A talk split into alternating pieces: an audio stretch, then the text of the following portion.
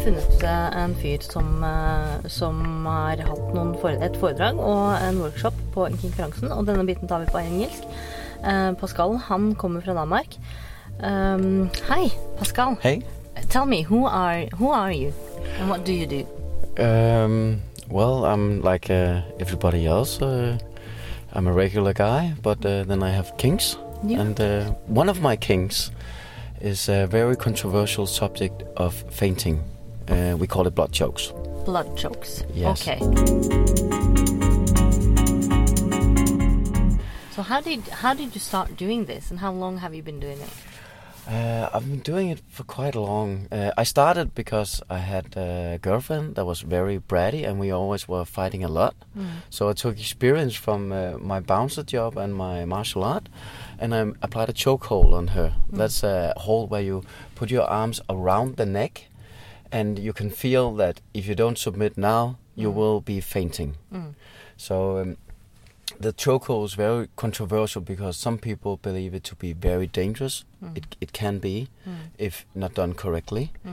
Um, but the feeling she got from me putting the chokehold on her was that that actually made her feel submissive. That made her feel that I really had the power, not just pretending. So after that, I she wanted to do more. Mm. She wanted me to take her further. She wanted to be unconscious and wake up in my arms. Oh, So I did a lot of research before I found that to be safe. okay. Because the the question people always have is is this dangerous? Yeah, well, I think that Yeah. too. It's it's a it's Is- a natural question and I will never answer that question for anybody else because mm. I cannot. That's subjective. People Yeah. have to decide for themselves. So what I've done is I've taken um, I'm a, a university uh, academic Mm. um, by education, so I go very thorough, thorough through this. Mm. So I've taken all the research I can find, Mm. filter out out the nonsense. There's a lot, Mm. especially about kink. There's a lot of people just saying what other people saying and saying what they think and feel. Mm. But I took only grounded in the research that Mm. comes from the medical field. And there's no research in the medical field that says that being choked out for short periods of time, several times, is dangerous, is there? There we can you can categorize in t- three different things that could go wrong. The mm. first one, the most important, is if it's applied too long. Mm. Like a, a chokehold should always be released immediately when people are unconscious, mm. and even if it doesn't work within ten seconds, release, and then maybe try again.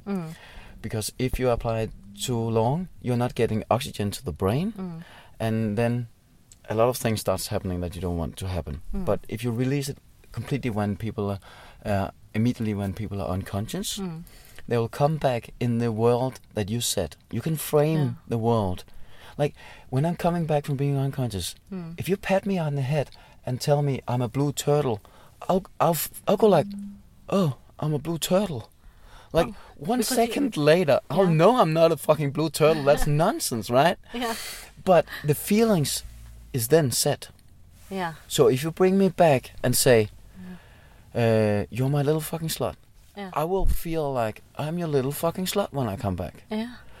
Um, So you kind of set the mood when you come back, and it, you use this in both sexual and non-sexual experience. it can be used professionally. Uh, it's very controversial whether you're allowed to lo- use this as a bouncer. Hmm. But I can tell you that even the biggest guy that want to kill everybody because hmm. he's fucked up on drug and somebody looked at his girlfriend, whatever, hmm. he can go from being very aggressive to waking up on the floor with this silly grin, like ha ha, and you go like, "Hey, we're okay? You're just lying on the floor," and he goes like, "Okay." That Yeah. half a second later, he remembers, and then he starts building up the feelings again.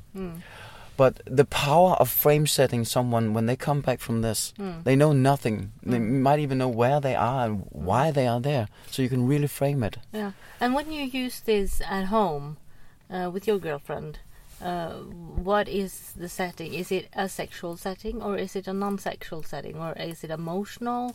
How do you what what do you use this for? Uh, I see BDSM as emotions. Uh, whether using a cane or a hand or impact play doesn't matter to me. What matters to me is the emotions that I can set in my partner, Mm. and vice versa. Mm. Um, so it is used uh, for for my personal thing. I use it to set the emotions, set the frame rate. Like I could take an ex-girlfriend from being very stressed about her demanding work Mm. to waking up with me penetrating her. Mm. So she goes from being stressed and not really being into the session Mm. to really being there. Mm. Just because of the blood choke. Just because of the fainting. Because Mm. the blood choke is the technique to Mm. make people faint and come back very quickly. Yeah. Okay. But uh, you say blood choke, but you also have other types of chokes. Yeah, I will call them all blood chokes to distinguish from air chokes and Mm. airplay. Mm. Like air choke is like when you're holding your breath and diving. Mm. And there's a lot of really good scientific research in that department Mm. because divers have the money to fund the research. Mm. So air choke is when you just hold your breath. Mm. It takes a long time to faint from that, but you can. Mm. So, so you can also faint from holding uh, a person's neck and and restraining their breath. That's breath play, right? Well, if you, if you strain the neck, you both have the wind tube that's uh, that is very fragile. And you can even hear when I press it and I sp- speak. Mm. You can hear how uncomfortable it- this is. Yeah. This is where the air is blown in and out, Mm. and you do not want to put pressure at that at all, Mm. uh, at as little as possible. Mm. Um, and then you want to put a lot of pressure around the rest of the neck to stop the blood from flowing, pumping from the heart to the brain Mm. very temporarily.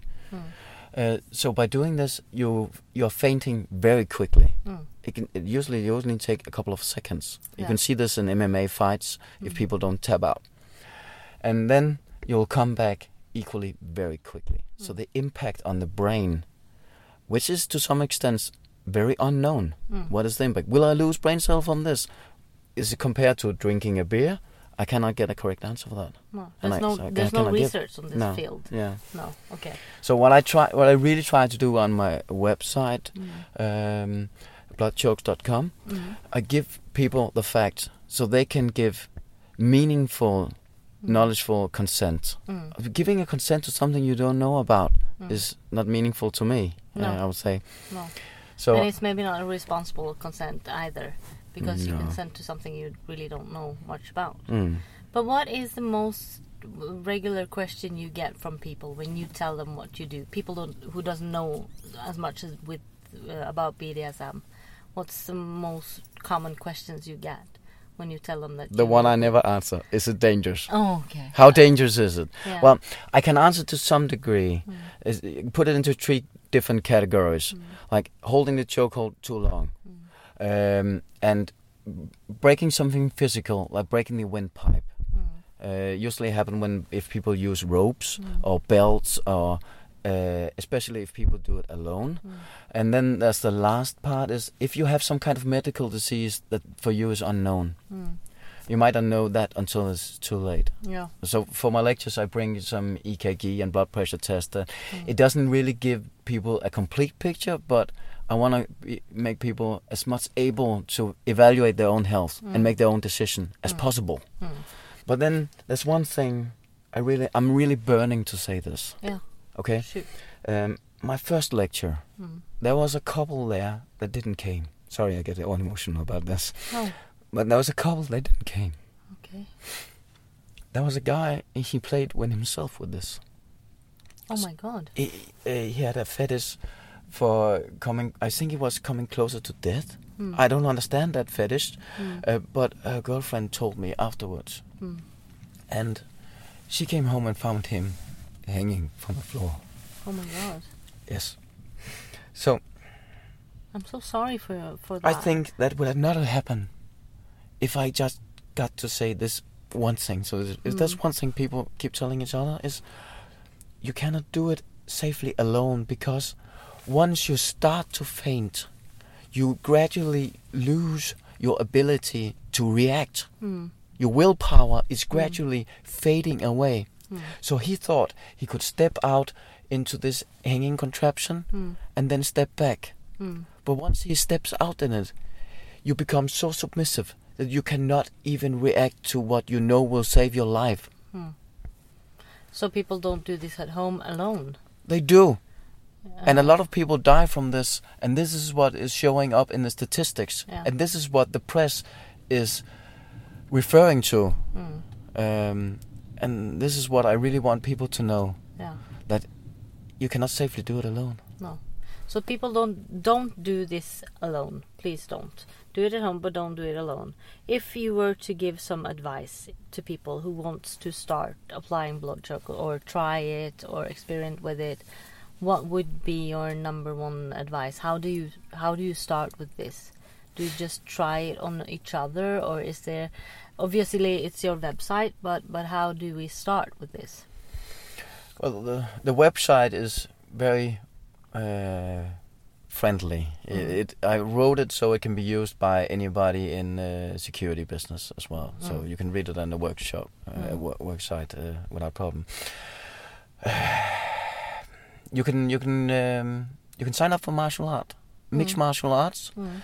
It's a very good technique there. Mm. Um, I went from um, Thai boxing to martial art, thinking like, yeah, I'm hell on earth. Nobody takes me down, right? And this they little girl, Mm. she says, yeah, come on to the mat. And within one minute, I was lying on the floor, tapping her because I was fainting. Like, what the fuck happened there? Can we do it again? And she took me down again.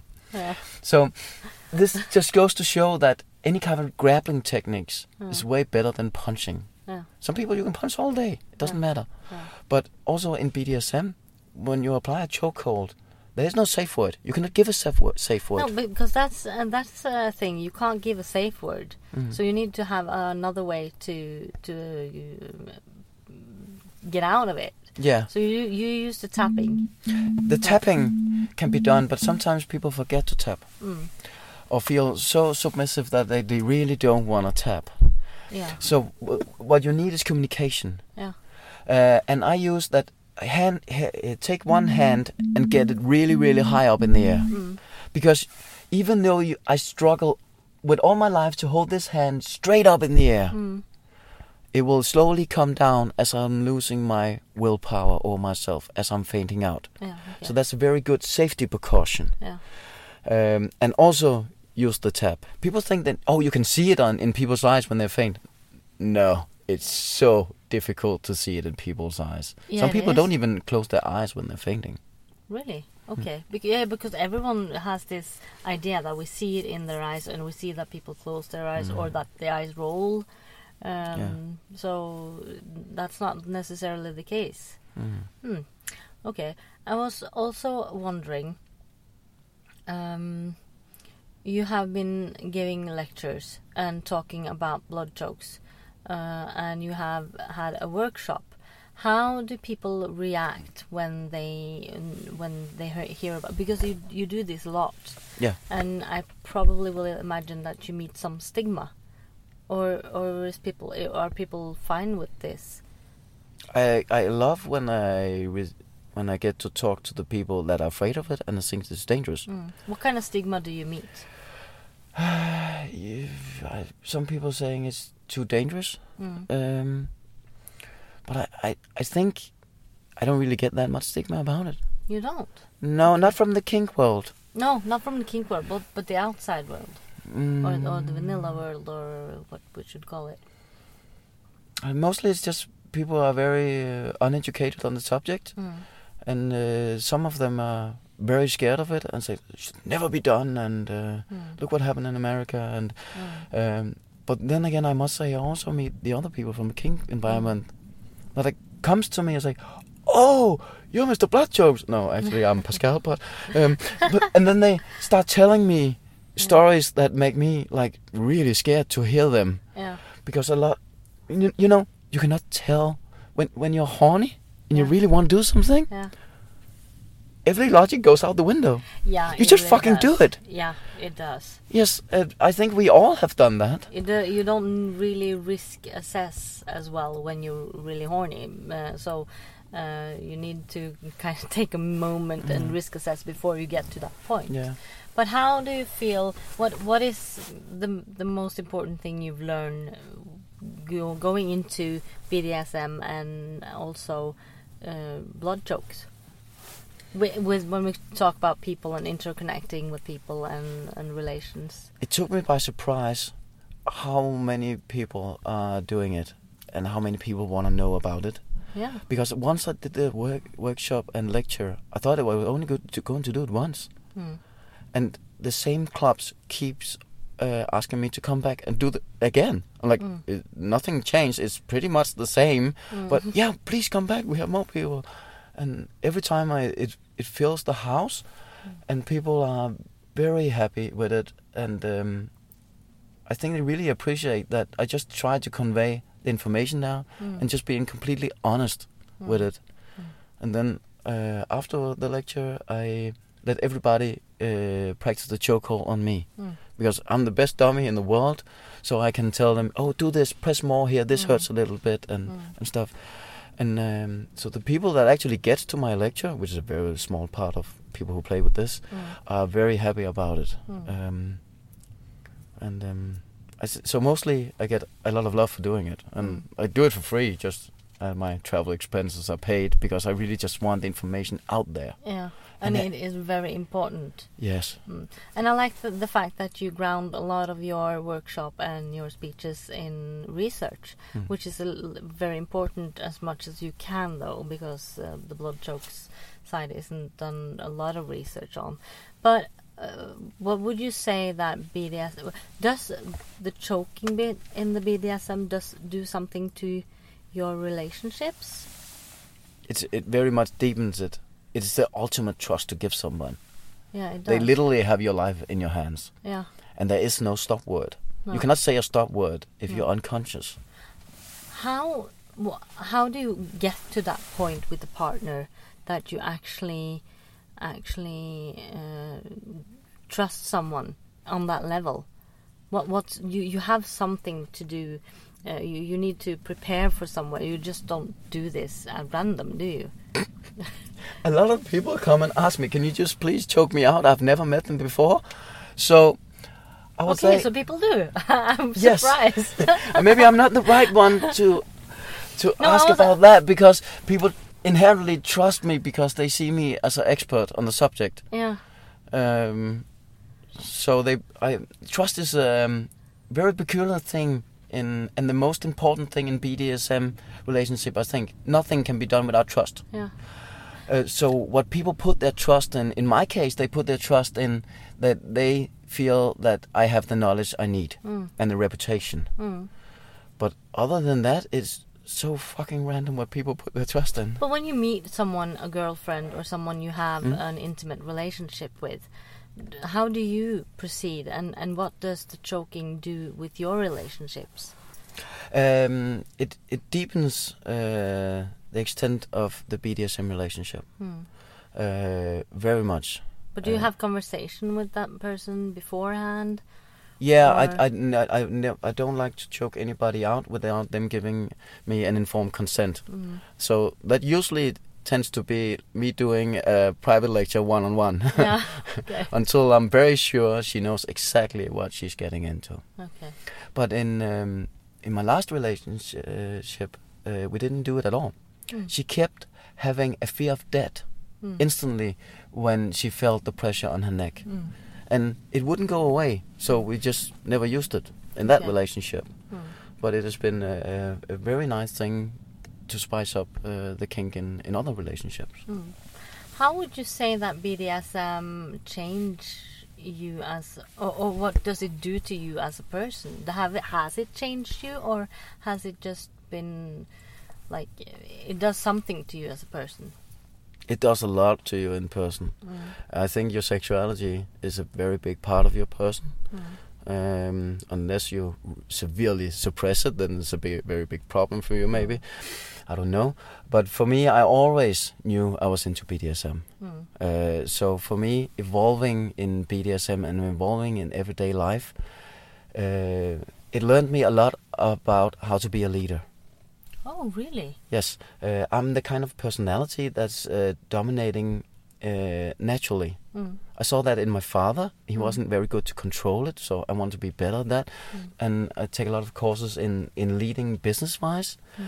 But it's not the same as leading in BDSM. But Mm. there is some overlapping with Mm. the with the um, with the control and the responsibility and the caretaking. Mm. And I think if you evolve both of them simultaneously, at one point you start with it, oh it's two different sides of me but at one point it merges into you feeling more complete more like a whole person. That's interesting. And uh, what would you say that a conference like this? You have been to the Friends now for three days. hmm Uh, what kind of people do you meet? lovely people Yeah. Like, is there, are there only kings, special people, or is it just? it's people from every kind of culture Oh. every kind of uh, people uh, which have one thing in common It Oh. is the kink and they every people in this culture have the same thing in common that they feel a little bit left out they feel like a Oh. minor- minority Hmm. and they feel the kink shaming from the rest of society Hmm. so instantly when you travel and you meet up with other kinksters it's like you have new family you have new friends instantly it's, it goes so fast there's so much love in the community Hmm. based on uh, shared interest and respect. Yeah. So I, I really, um, I really enjoy it. Yeah. That's that's- great. What do you think that this uh, this kind of conference does with? h- wh- wh- Why is this kind of conference important to the society and to the to, to the kink community? Well, there's a political side of it that we need to uh, educate the rest of the society Hmm. in a good way. But uh, mostly, I think it's important for us to evolve. Hmm. A, a very um, in modern psychology uh, of on uh, eudaimonia and understanding of human happiness, Hmm. it's important to keep evolving all your life. Yeah. It's easy when you go to school, you feel like uh, evolving in the subjects. And then after school, maybe you take up a hobby and evolve in that. Hmm. And I think that we do a lot of evolving in kink and sexuality, Yeah. which is which is very precious to us, Hmm. and um, maybe a little more giving than collecting stamps or buying a bigger car.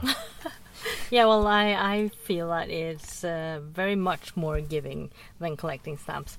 Um, it, it has been great talking to you, and uh, at the end, how has this Kink Friends been for you to attend? You have been giving lectures, but you have also attend something, some Yes. things, haven't you? How has it been? How's the weekend been for you? it's it's been fantastic. It is. It's been like I visit family I never knew I had, Mm. and every time I leave somewhere, I'm like, I want to go back next week. I want to stay here. People are so lovely. Yeah, I, I feel the same way. Um, I've met some fantastic people I've never thought I'd meet, and and uh, um, also I I love the community, and it's my first experience as a, at, at a conference like this, so it's been a good experience. I want to thank you for your, your lecture. I want to thank you for ta taking the time to talk with me, and um, wish you a good trip home. Well, thank you. Hei, det er Regina Aries her i Kinkolongens hjørne. Jeg skal snakke om noe som jeg elsker å bruke, og det er lateks. Lateks, eller gummi, det er naturgummi. Det kommer fra trær. Altså at vi gror dette. Um, Lateks er egentlig et ord som er, betyr kvae. Det betyr eh, det eh, som renner ut av eh, planten. Det er ikke bare latekstrær, eller gummitrær, da, som har lateks. Det er også til og med løvetann har faktisk eh, dette som da på teknisk ordbruk heter lateks. Og det kan du egentlig se når du får den der hvite um, suppen som kommer ut av en løvetann når du brekker den av. Men det er fra disse gummitrærne som det høstes da lateks som brukes i klærne, eh, som brukes i fetisj. Det kan fremstilles kjemisk. Nitril er en sånn kjemisk eh, gummi.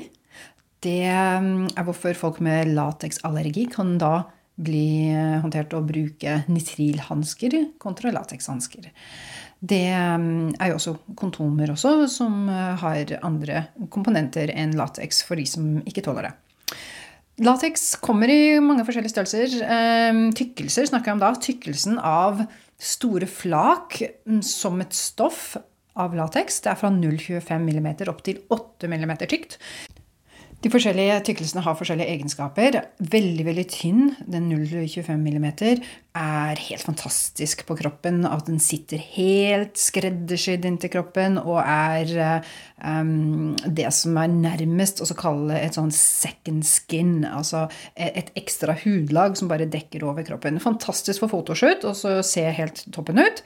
Men hvis man skal leke og bruke dette her, ta det av og på flere ganger og virkelig ha det ute på fest og sånne ting, da er det ganske tynt. Det er bedre å begynne å gå opp 0,3, 0,4 0,44 er en sånn klassisk eh, størrelse som eh, er veldig vanlig.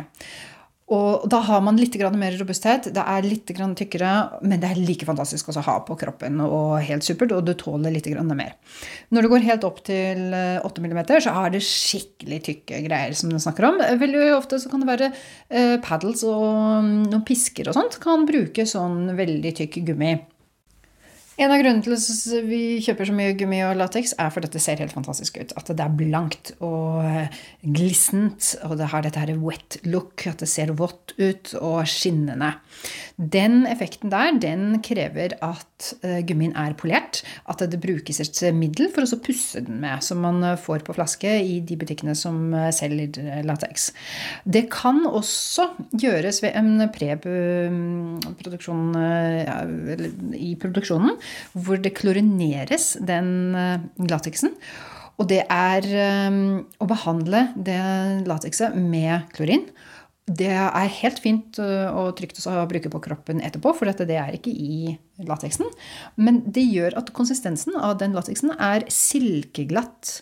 At den er alltids blank, og at den ikke klever. Og det er helt vakkert. Så du kan, du kan, vaske den, og så kan du legge den vekk, og så ta den opp igjen, og så er den like fin og blank. Og du egentlig trenger ikke gjøre noe med den i hele tatt. Du kan bare ta den på.